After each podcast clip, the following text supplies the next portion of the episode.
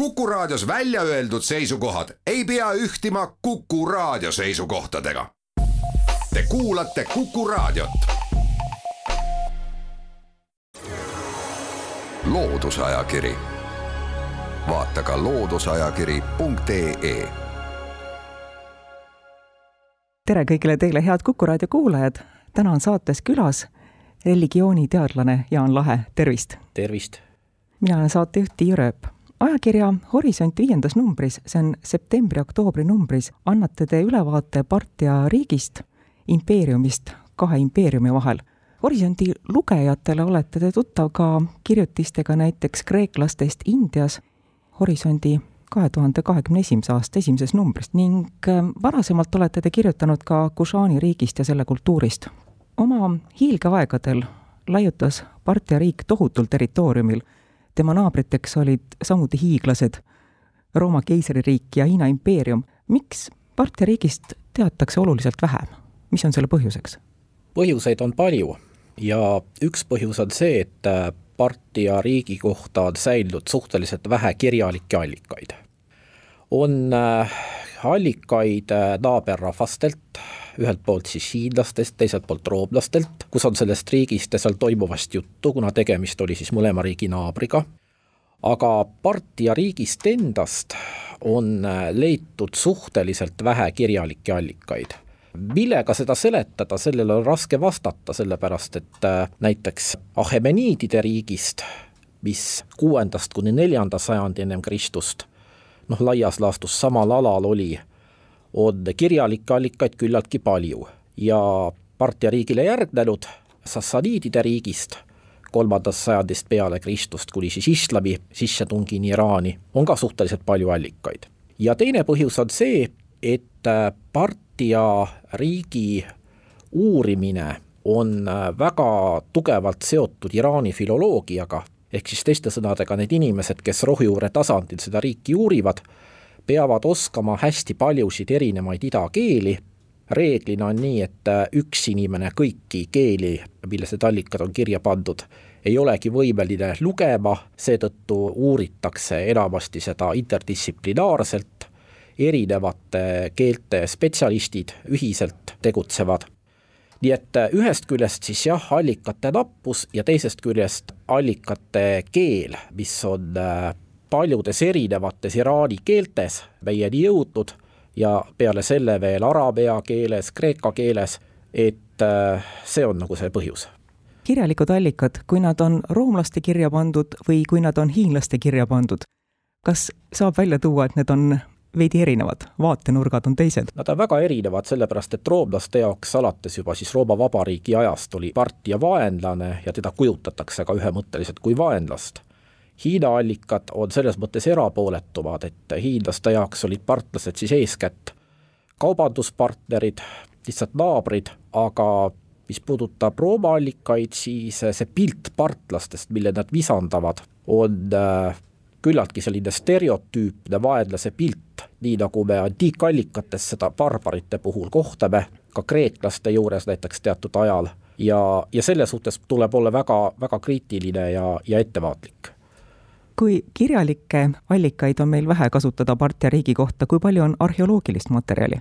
arheoloogilist materjali on päris palju, on äh, Partia erinevaid asulaid, kalmistuid välja kaevatud, on äh, üksikuid juhuleidusid ja väga palju on äh, leitud ostrakone, need on siis savinõude killud, kuhu on ka kirjutatud peale, aga enamasti see informatsioon puudutab kaubandust, majandust ja on suhteliselt lakooniline, nii et raidkirju tegelikult, mis annavad rohkem informatsiooni, on suhteliselt vähe.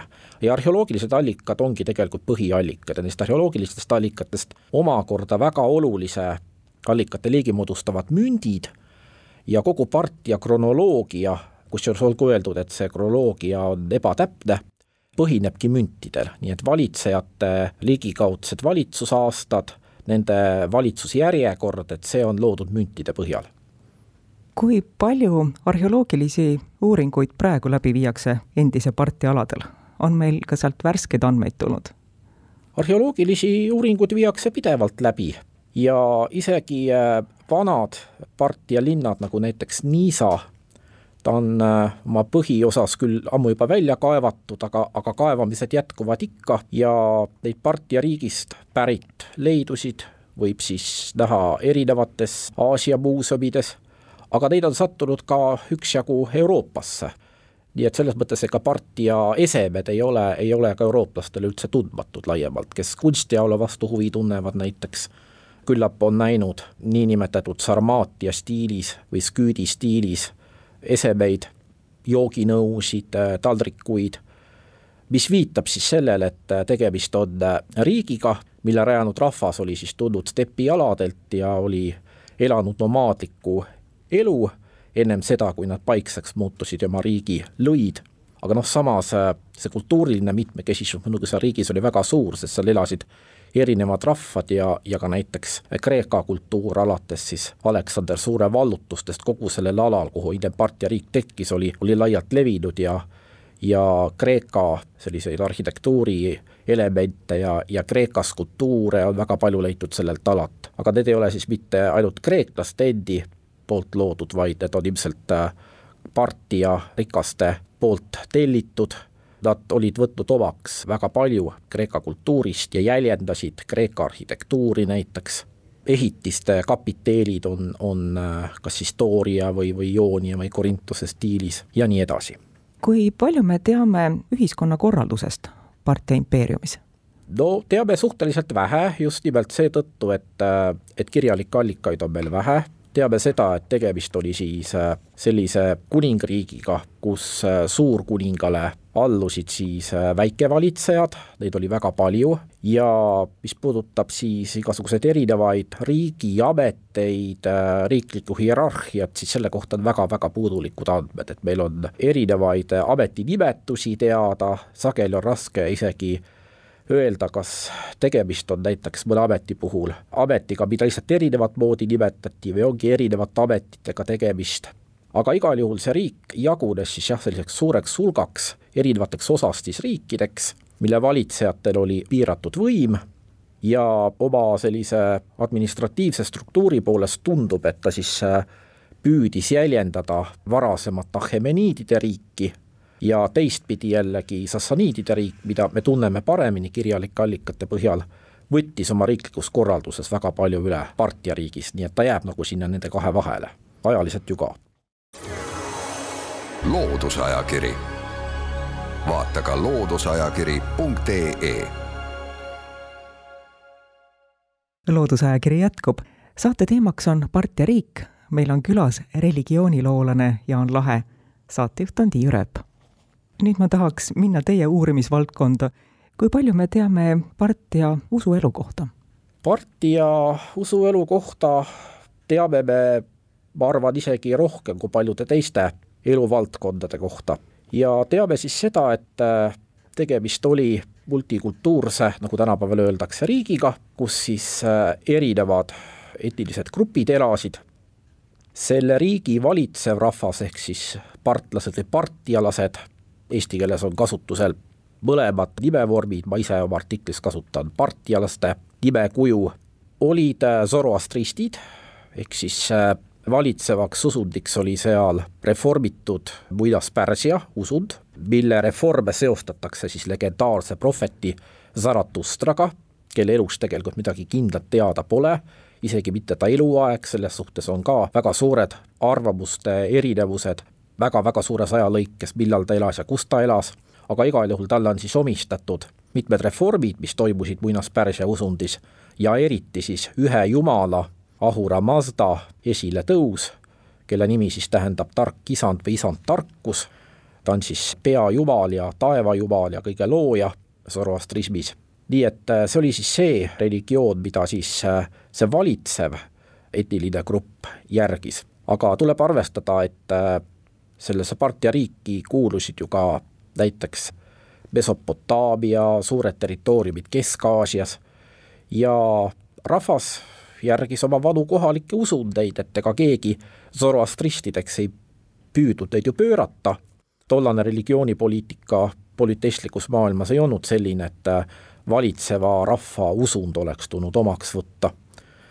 Mesopotaamias eksisteerisid edasi Vana-Mesopotaamia kultused, Babyloonia erinevad jumalad, väga suur juudi kogukond oli Partia riigis ja kindlasti alates teisest sajandist oli seal ka kristlikke kogudusi ja mida eriliselt tuleks ära nimetada, on see, et äh, partialaste valitsetud riik asus tegelikult sellest Partia impeeriumist ka väljaspoole.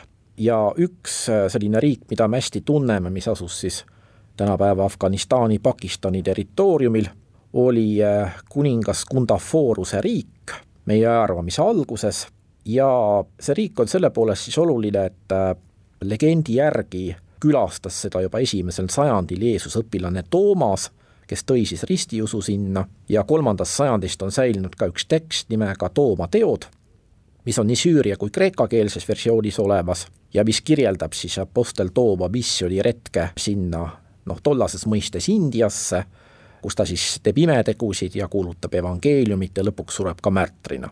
ja arvatakse, et selle legendi taustaks on siis äh, tõepoolest äh, Partia kiriku missionitöö seal Afganistani ja Pakistani territooriumil ja olgu öeldud, et ka budism oli äh, levinud just nimelt selles samas kuningas Kundaforuse riigis ja kindlasti ka Partia riigi idaosas oli nii budiste kui hindusid, sellepärast et äh, see kattub siis India kultuuripiirkonnaga. Ja lõpuks tuleb nimetada veel kindlasti ka seda, et äh, Partia riigi territooriumil sündis ka kahesaja kuueteistkümnendal aastal prohvet Mani, kes rajas oma usundi maniluse ehk maniheismi, pärimuse järgi ta aga põlvnes aršakiidide suguvõsast, see oli siis see kuningadünastia, partialaste kuningadünastia, kes sellel ajal valitses, aga tema ülesastumine prohvetina ja usundi rajamine ja, ja tema surm, need jäävad juba siis tegelikult järgnevasse perioodi, ehk siis sassaniidide ajajärku. ta suri aastal siis kakssada seitsekümmend kuus või kakssada seitsekümmend seitse peale Kristuse sündimist ja sellel ajal siis juba valitsesid Parti alal sassaniidid, kes sinna oma Uus-Pärsia riigi rajasid, mis püsis kuni islami vallutusteni. Kas need tänapäevased poliitilised sündmused, mis toimuvad Partia riigi alal, ega nad ei ohusta Partia riigist jäänud muistiseid? no ohustavad loomulikult ja üks põhjus ka, miks paljudes piirkondades näiteks arheoloogilised kaevamised on seisma jäänud ja ei ole toimunud mingeid välitöid, ongi see, et nad asuvad sellistes konfliktikolletes, nagu seda on Afganistan, nii et kui me mõtleme sellele, mida Taliban oma võimuloleku ajal on Afganistanis korda saatnud, siis äh, on äh, üpris tõenäoline, et äh, part- ja muinsusesemed, mis näiteks sealsetes muuseumides paiknevad, on kindlasti ohus. nii et selles mõttes ei, ei, ei ole midagi rõõmustavat seal selles piirkonnas. kas te ise olete käinud vaatamas Partia impeeriumi ajast säilinud muistete, linnade varemeid ja muud linnade varemeid mitte, aga muinsusesemeid erinevates muuseumides ma olen äh, näinud küllaltki palju. on mõni teile jätnud ka erakordse mulje? minu enda Millist? huviks on olnud Partia mündid, nende müntide ikonograafia ja see on natukene seotud ühe minu teise uurimisteemaga, nimelt äh, olen uurinud ühe sellise Iraani päritoluga jumaluse nagu Mitra kultust, mis oli muuseas ka Partia riigis levinud ja ka selle kultuse puhul on, on mündid väga oluliseks allikaks, sellepärast et müntidel on tihti kujutatud sümboleid, mis sellele jumalusele viitavad, või siis sellele, et need valitsejad, kes need mündid on välja andnud, on olnud selle jumaluse austajad ja seetõttu siis Partia müntide ja, ja Partia ikonograafiaga ma olen päris pikka aega tegelenud ja võrrelnud seda siis äh, sassaniidide aja ikonograafiaga, olen kirjutanud mitmeid artikleid sellel teemal ja mitrakultuse kohta olen eraldi andnud ka välja monograafia, mis ilmus äh, mõned aastad tagasi Saksamaal Münsteris ühes sealses teaduskirjastuses. Ja minu nagu selline üks äh, suurem uurimisteema tegelikult ongi olnud kaua aega antiikmaailma kontaktid erinevate idamaadega. nii et äh, selles mõttes see Partia riik ei ole ainus, ainus riik, mille vastu mul huvi on olnud, samamoodi mind äh, huvitavad ka Kreeka riigid Kesk-Aasia ja, ja India aladel, huvitavad Rooma kontaktid Indiaga. Nendel teemadel ma olen ka päris mitmeid artikleid avaldanud, ka tõlkeartikleid, mis on põhiliselt ilmunud ajakirjas Akadeemia on aeg selleks korraks Kuku raadio stuudios mikrofonid välja lülitada ja saade ära lõpetada. saatejuht Tiia Rööp tänab külalist. aitäh, Jaan Lahe, saatesse külla tulemast. kes soovib Partei impeeriumist enam teada saada, kui rääkida jõudsime, siis soovitame saatekülalise religiooniloolase Jaan Lahe artiklit ajakirja Horisont viiendas numbris. väga põhjalik ülevaade. aitäh kuulajatele, jälle kuulmiseni! loodusajakiri vaata ka looduseajakiri.ee